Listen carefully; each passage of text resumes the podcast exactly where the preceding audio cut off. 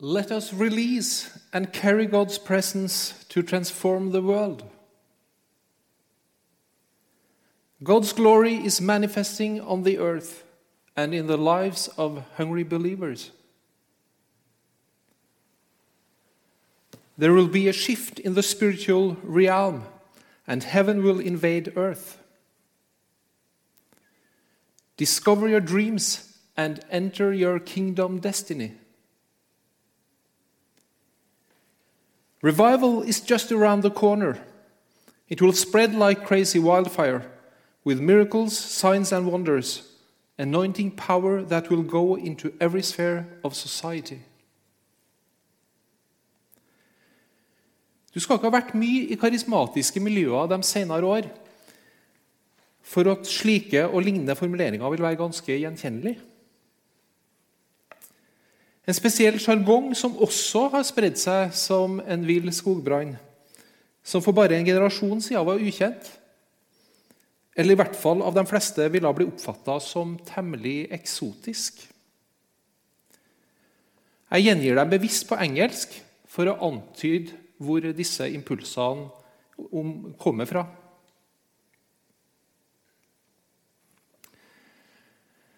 Det var først i 2012, da jeg ble med i lederskapet for den karismatiske fornyelsesbevegelsen Oase her i Norge, at jeg for alvor ble oppmerksom på denne sjargongen.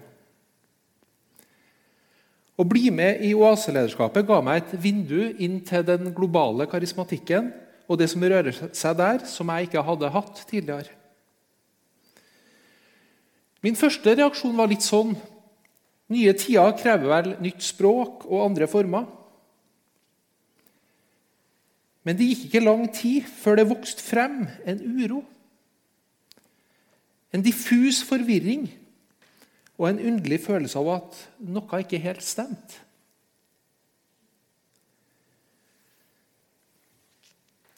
Jeg har vært karismatiker, altså vært opptatt av dette med Den hellige ånd og nådegaver helt siden jeg var barn. Sammen med familien min så var jeg på de første oasestemnene i Kristiansand på begynnelsen av 80-tallet. Som ni-tiåring. Og jeg formelig sugd inn det jeg så og hørte. Etter videregående så gikk jeg på disippeltreningsskole i Ungdom i oppdrag. Og Det var måneder som forma trua og gudslivet mitt helt grunnleggende. Jeg har også vært i ulike andre karismatiske sammenhenger opp gjennom årene. Men det er særlig Oase og Ungdom i oppdrag jeg i ulike perioder av livet har vendt tilbake til. For her har jeg sett modellert hva levende, åndsfylt kristenliv er for noe.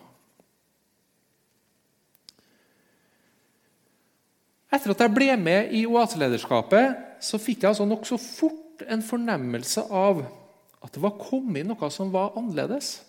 Noe som skurra, men som ikke var lett å definere. Ikke at det var hele bildet, langt ifra, men det gjorde seg stadig gjeldende. Og Derfor så begynte jeg å gjøre meg mer kjent med forkynnere, miljøer og trender innenfor den internasjonale karismatikken, og oppdaga da at mange forkynnere som var trekkplaster ved karismatiske konferanser og stevner i Norge, var assosiert med en strømning som jeg aldri hadde hørt om før, men som flere kalte for New Apostolic Reformation. Litt etter litt så ble øynene mine åpna for en ganske ubehagelig sannhet. At den nye sjargongen var et symptom på noe dypere, noe ganske alvorlig. At den karismatiske bevegelsen står under omforming av en toneangivende strømning som bringer en helt ny mentalitet og teologisk logikk i spill. Tre år med research og stor kamp tok det å skrive boka 'Ved en korsvei'.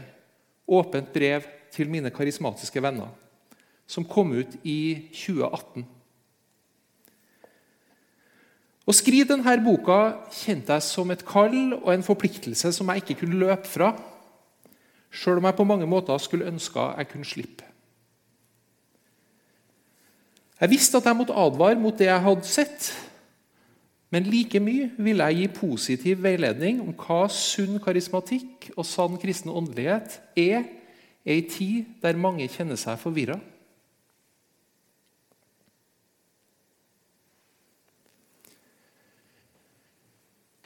New Apostolic Reformation, ofte forkorta NAR, er nå igjen kommet i søkelyset.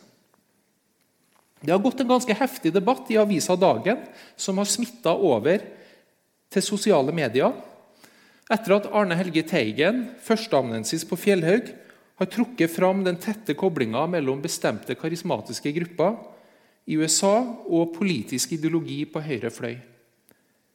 Og ikke minst hvordan kjente, selvbevisste profeter har profetert at Trump var Guds salvede som skulle bli gjenvalgt som president, men tok feil. Selv om jeg tenker at det er viktige ting å få på bordet, så er det noe med denne vinklinga som lett får kristenledere i Norge til å distansere seg fra det hele og si at det her har lite med vår virkelighet å gjøre. Da jeg skrev denne boka, 'Ved en korsvei', så valgte jeg bevisst å nedtone det politiske. Fordi det er noe annet jeg ser som en mye større utfordring med fenomenet New Apostolic Reformation her til lands. Nemlig at dynamiske kristne miljøer influeres av en åndelighet og et teologisk tankegods som i virkeligheten er en trojansk hest som en har sluppet innafor murene.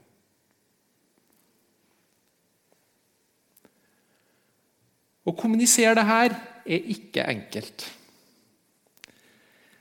Og I boka så valgte jeg en bestemt strategi.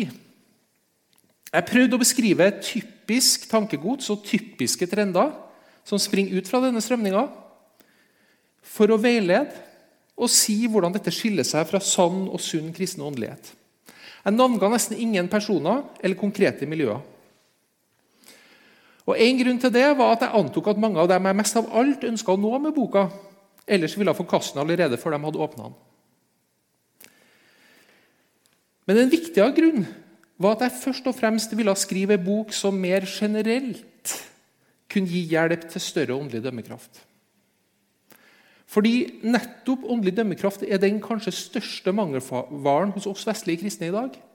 Så er vi enormt sårbare for falske og forføreriske strømninger.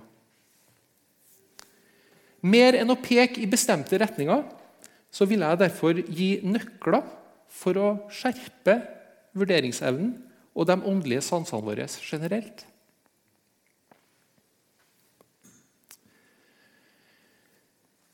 New Apostolic Reformation er bare noe oppkonstruert, en stråmann, har jeg hørt mange si.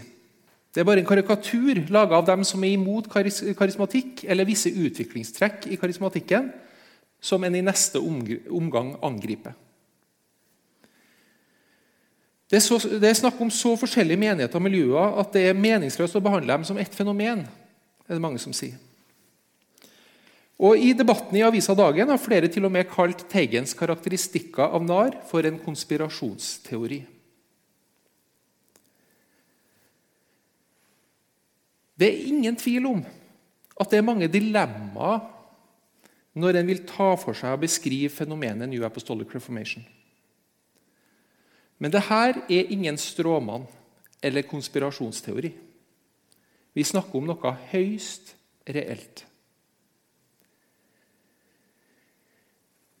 I boka bruker jeg ikke merkelappen New Apostolic Reformation særlig mye. Jeg gjør det nesten bare i tillegg, i et appendix helt til slutt. Jeg ser nemlig mange utfordringer med å bruke denne merkelappen.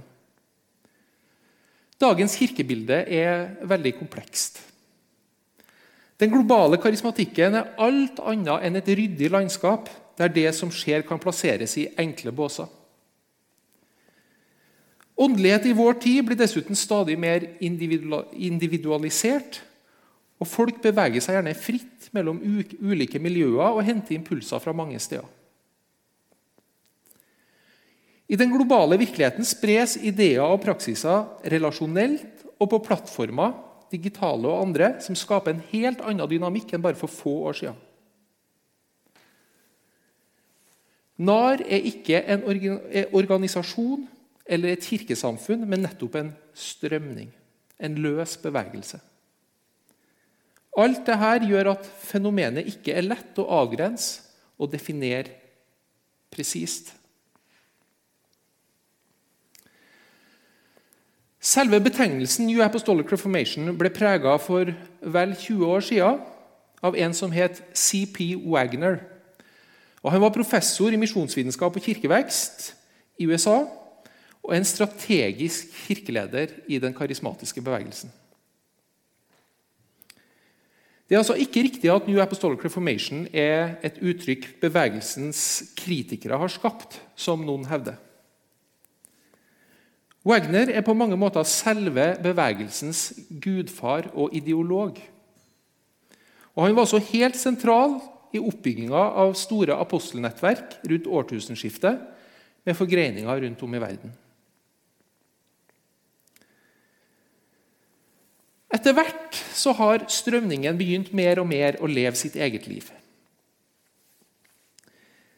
Men det grunnleggende tankegodset som har vært der fra starten, det har fortsatt å spre og forplante seg i nye former og settinger.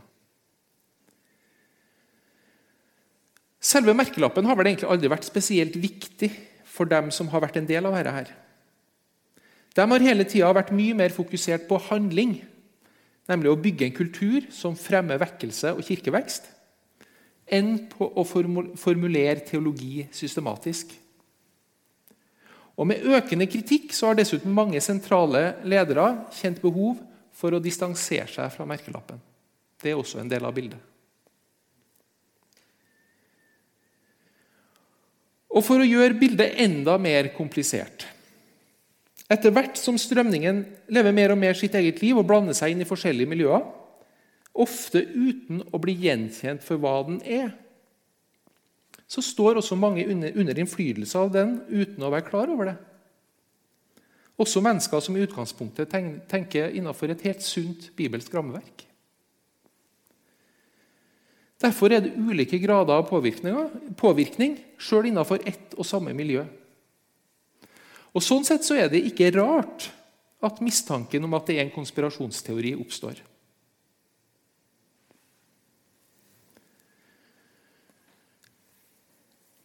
La meg si det sånn. For meg er betegnelsen vi bruker, ikke det viktige. Jeg snakker om NAR i mangel av en bedre merkelapp.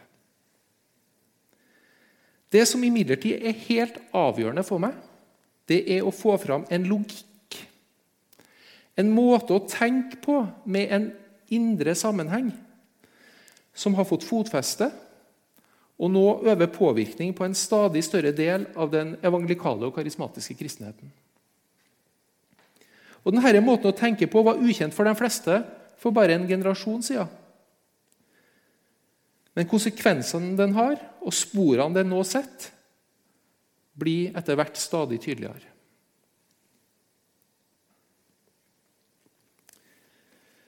Skal jeg beskrive med én setning hva jeg legger i nar, så er det en strømning som vil fremme en bestemt oppfatning av hva Kirka skal være, og hvordan Kirka skal gå frem i vår tid for å fremme vekkelse.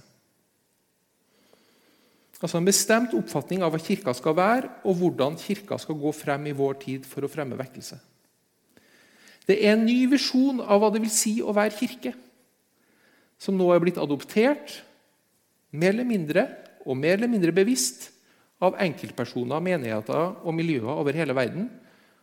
Først og fremst i den karismatiske bevegelsen.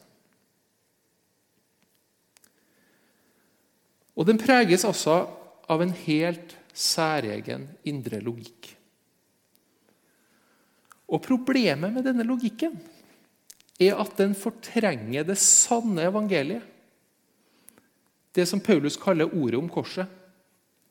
Stadig lenger bak i kulissene. Samtidig som den smugler inn en mentalitet og virkelighetsoppfatning som mer og mer ligner nyåndeligheten og vår tids common sense. Og Det fører til en redefinering av prioriteringene i mange kristne menigheter og miljøer. Ikke minst der hvor en er levende opptatt av fornyelse og åndelig vekst. Jeg brenner sjøl for vekkelse og åndelig fornyelse. Og Det er nettopp derfor jeg ser det som så enormt viktig at vi får opp øynene for hva dette er.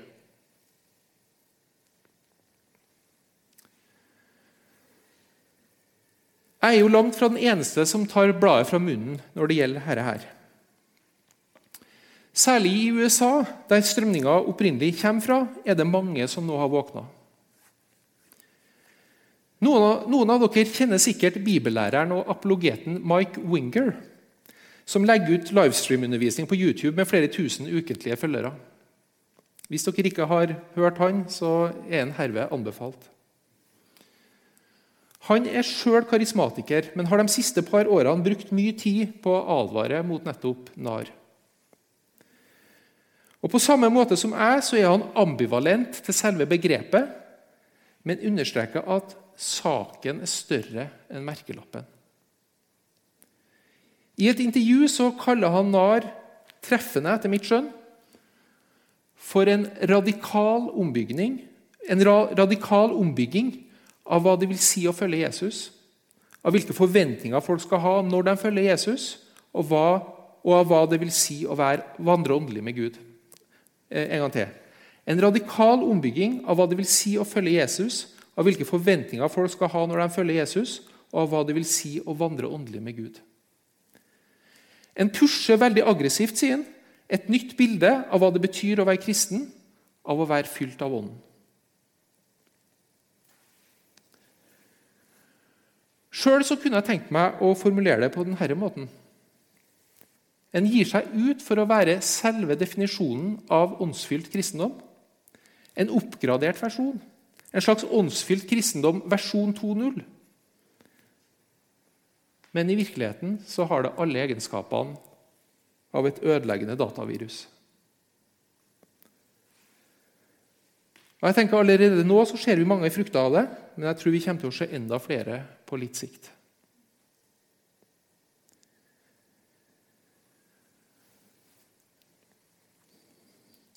Jeg kjenner fortsatt på dilemmaene ved å trekke fram spesifikke navn og miljøer når jeg snakker om dette. Men å ikke å si noe om det vil gjøre dette nokså abstrakt og lett gi næring til fri spekulasjon. Dette er etter hvert blitt så stort at uh, skal jeg nevne navn, så må jeg nesten velge dem som har størst påvirkning på norske miljøer. For at det ikke skal, jeg ikke skal bruke for mye tid på det. Og jeg tenker også at det ikke er hensiktsmessig å oute liksom i øst og vest. Men jeg tenker Når det gjelder det som påvirker oss i Norge mest, så står Bethel Church i Redding, California i en særstilling. Bethel Church med sin School of Supernatural Ministry, der mange norske ungdommer har gått ett eller to år. Og Blant de profilerte lederne i Bethel Church finner vi navn som Bill Johnson, Chris Valenton, Danny Silk, som er kjent for mange i Norge, bl.a. gjennom bøker, konferanser og podkast. Bill Johnson og kona Benny er også del av et apostelnettverk som heter Revival Alliance. Der flere kjente kristenledere som stadig har stått på norske talerstoler, er med. Annet Randy Clark, Che An, Heidi Baker, John og Carol Arnott som står bak menighetsnettverket Catch the Fire. Sean Bolts og norskamerikaneren Leif Hetland er også nært assosiert med Revival Alliance. Og En kan også nevne andre navn som mange nordmenn har et forhold til, som Lou Engle, Todd White, Patricia King, Cindy Jacobs, Lance Walnow. Og En må også regne IHOP, International House of Prayer, med Mike Bickle i spissen som en del av denne strømninga. Jeg kunne ha nevnt flere, men jeg nøyer meg med, med de her fordi de er såpass kjent og, og, og, og viktige um, og har en eh, viktig innflytelse i Norge. Jeg har ikke tenkt i dag å navngi norske miljøer. Men det er klart at de som henter mye impulser fra eller samarbeider regelmessig med de, de, de, de jeg her har nevnt, er utsatt og sårbare. Ellers vil jeg helt generelt si at det skal mye til om du ikke kommer i berøring med disse strømningene, om du oppsøker en større karismatisk bønne-, fornyelses- eller vekkelseskonferanse i Norge i dag.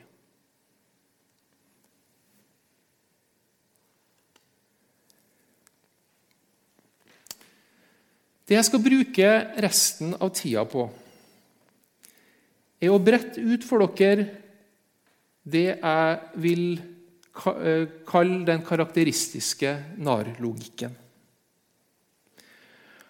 Og Litt forenklende, for å få frem selve essensen, så kan en snakke om fire byggesteiner i denne logikken. Og Det er for det første det transformerte og fullkommengjorte gudsfolket i endetida. For det andre vekten på apostel- og profetlederskapet. For det tredje omtolkninga av Guds rike og misjonsbefalinga til at troens folk skal ta herredømme på jorda. Og for det fjerde en intens nærværsteologi og åndelighet som kretser rundt det overnaturlige. Altså det transformerte og fullkommengjorte gudsfolket, vekten på apostel- og profetlederskapet, omtolkninga av Guds rike og misjonsbefalinga, som at troens folk skal ta herredømme, og for det fjerde, og, og til slutt en intens nærværsteologi og åndelighet som kretser rundt det overnaturlige. Rekkefølgen her er ikke det viktige. Men det er altså summen av disse fire byggesteinene som skaper denne nye mentaliteten og logikken. Og La oss ta dem én for én.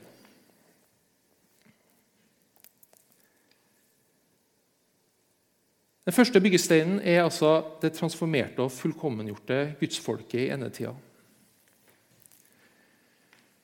Helt sentral er forestillinga om at vi lever i ei spesiell tid i historien. Ei tid hvor Gud er i ferd med å oppreise en menighet som har en innvielse, åndsutrustning og gjennombruddskraft vi aldri før har sett maken til. En fullkommengjort menighet som lever ut fra et nytt åndelig nivå, skal bli plogspiss for en verdensvid vekkelse. Gud vil omsider få den kirka han drømmer om, en generasjon av troende som er så fylt av Den hellige ånd at de opererer like naturlig i det overnaturlige som fisken svømmer i vannet. Under dynamisk lederskap av moderne apostler og profeter vil vi se en menighet reise seg over hele verden som har hele Kristi fylde, eller er blitt det fulle uttrykk for Jesus på jorda, som en kan formulere det. Og denne menigheten vil utbre Guds rike mye mer effektivt og bli som Jesus. Ja, Gjør større gjerninger enn dem han gjorde da han var på jorda. En henviser ofte til Johannes 14, 12. Og Det skjer ikke minst ved at vi som enkeltpersoner og fellesskap når nye nivåer av åndelig kraft og innsikt, profetisk åpenbaring og kraftfulle tegn og under. Før Jesus kommer tilbake, skal menigheten bli en katalysator for Guds nærvær gjennom å operere med profetisk og åndelig kraft i en helt annen skala enn før. Og Slik skal nasjonene på jorda bli forvandla og misjonsbefalinga oppfylles. Dette forvandla og fullkommengjorte gudsfolket Gud nå reiser opp, kan gis forskjellige navn. Elia-generasjonen, forløpere, eller forerunners på engelsk, New Breed, Joel's Army, The Manifest Sons of God. Eller en kan adoptere tankegodset uten å kalle det, noe, kalle det noe spesielt. Men uansett er utgangspunktet at vi lever i de siste tida. Hvordan en tenker om endetida mer bestemt, kan nok variere en god del men noe er karakteristisk.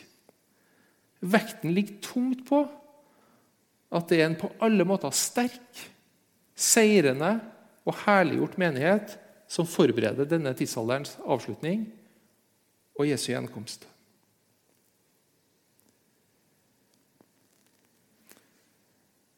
Jeg fortsetter med den andre byggesteinen, som er apostel- og profetlederskapets betydning for at Guds plan skal virkeliggjøres i vår tid.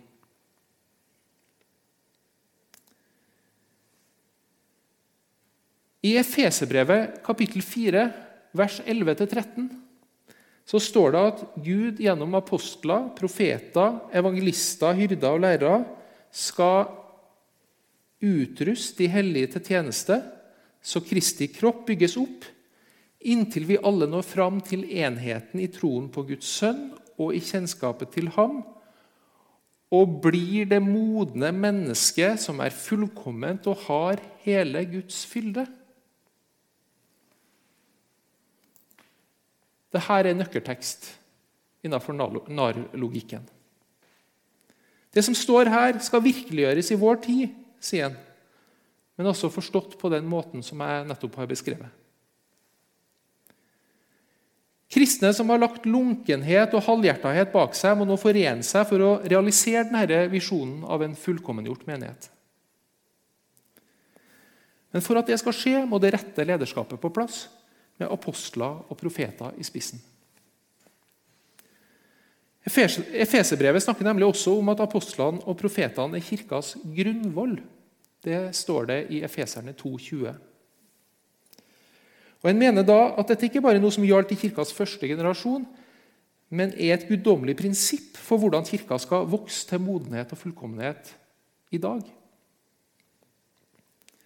Og Dette er noe vi har glemt i store deler av kirkas historie, sin, men nå har Gud levendegjort denne sannheten på nytt. Og Wagner for eksempel, snakka om at vi lever i den andre apostoliske tidsalder. Hvem er så apostelen? Jo, det er den visjonære og åndsutrusta lederen. Gründeren og entreprenøren som er i stand til å få folk med seg og bryte nytt land i det åndelige og i det synlige. Han eller hun trenger profeten ved sin side, som får åpenbaring med guddommelige strategier og oppmuntringer fra himmelen. Og Sammen har apostler og profeter en særlig åndsutrustning en særlig salvelse til å gå i bresjen for de framgangene for Guds rike som skjer i dag. Apostlene og profetene modellerer også en ny mentalitet for menigheten. Det er også et viktig poeng. En lidenskapelig, guddommelig livsstil som en, som en nødvendig forutsetning for at gudsrikekreftene skal bryte igjennom. Og en livsstil der en står kontinuerlig i den profetiske åpenbaringsstrømmen. Gud reiser nå opp en hær av slike ledere over hele jorda. Blant mange er det også vanlig å tenke at apostlene har fått en spesiell åndelig autoritet over bestemte geografiske områder eller samfunnssfærer der de er kalt til å operere. Forestillinga om at vi som menighet skal endre det åndelige klimaet, er nemlig en viktig del av hele logikken.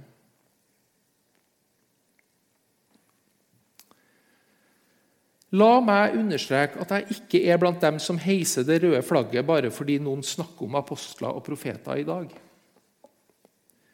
Det fins måter å snakke om en fortsatt apostolisk og profetisk tjeneste som jeg mener har bibelsk dekning.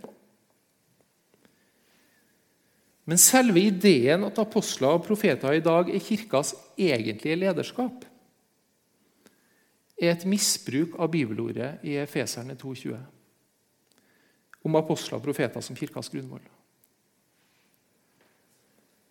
Sammenhengen der viser at det handler om ledere i kirkas aller første generasjon som hadde en særegen autoritet fordi de hadde vært sammen med Jesus, blitt opplært av han og var vitner til oppstandelsen.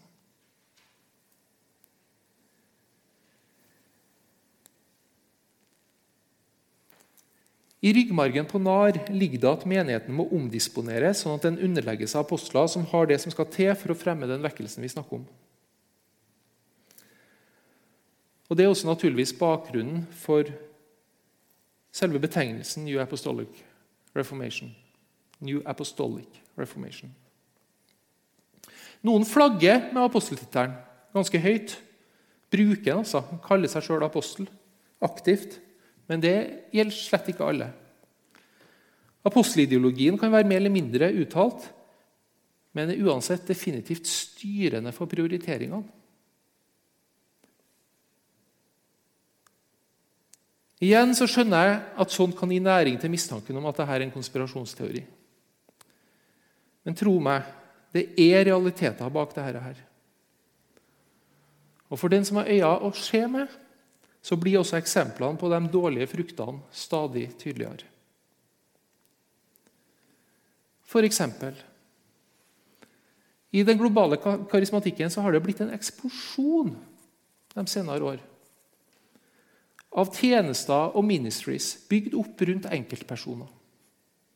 Nærmest som små personlige imperier. Og En benytter seg i stor grad av strategier og virkemidler vi ellers kjenner fra tidas managementtenkning og markedsføringspsykologi. Og Under dekke av det en kaller hederskultur, så bygger også mange av disse Nav-lederne hverandres gode navn og rykte i det offentlige rommet. I ei tid som formelig roper etter den sunne læra, så omformer de kristen forkynnelse og undervisning til inspirational talk, som kretser omkring deres egne åpenbaringer og visjoner og bibelvers tatt helt ut av sin sammenheng. I en veldig åndelig innpakning så promoterer de også en virkelighetsforståelse ofte, som egentlig er en parasitt på den ekte kristne karismatikken.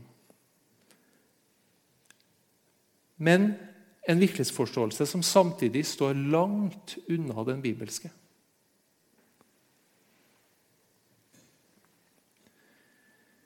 Ikke bare har NAR-ledere et sterkt fokus på relasjoner i hva de forkynner, F.eks. ved å fremheve sterkt menigheten som familie og som hederskultur. De får også innflytelse i nye sammenhenger, først og fremst gjennom relasjoner. Og ikke få steder dette skjer også i Norge. Så gjør det at det finnes skjulte autoritetsstrukturer i kristne menigheter og organisasjoner som fører til vonde splittelser. Ofte har mennesker som har gjort motstand mot det nye udefinerbare som er kommet inn, blitt utsatt for hersketeknikker og blitt pressa ut. Og Jeg har snakka med ganske mange av dem, så dette vet jeg.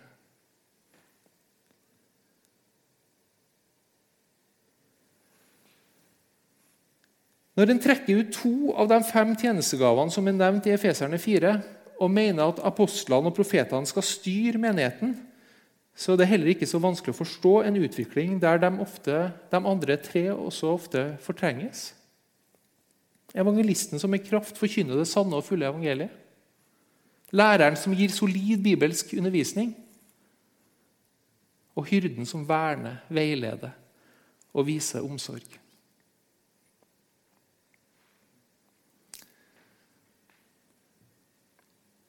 Jeg har dratt dere gjennom to av de her, det jeg kaller byggesteinene i nalogikken. Nå skal vi ta en pause, men når vi kommer tilbake igjen, så eh, fortsetter jeg med de to siste.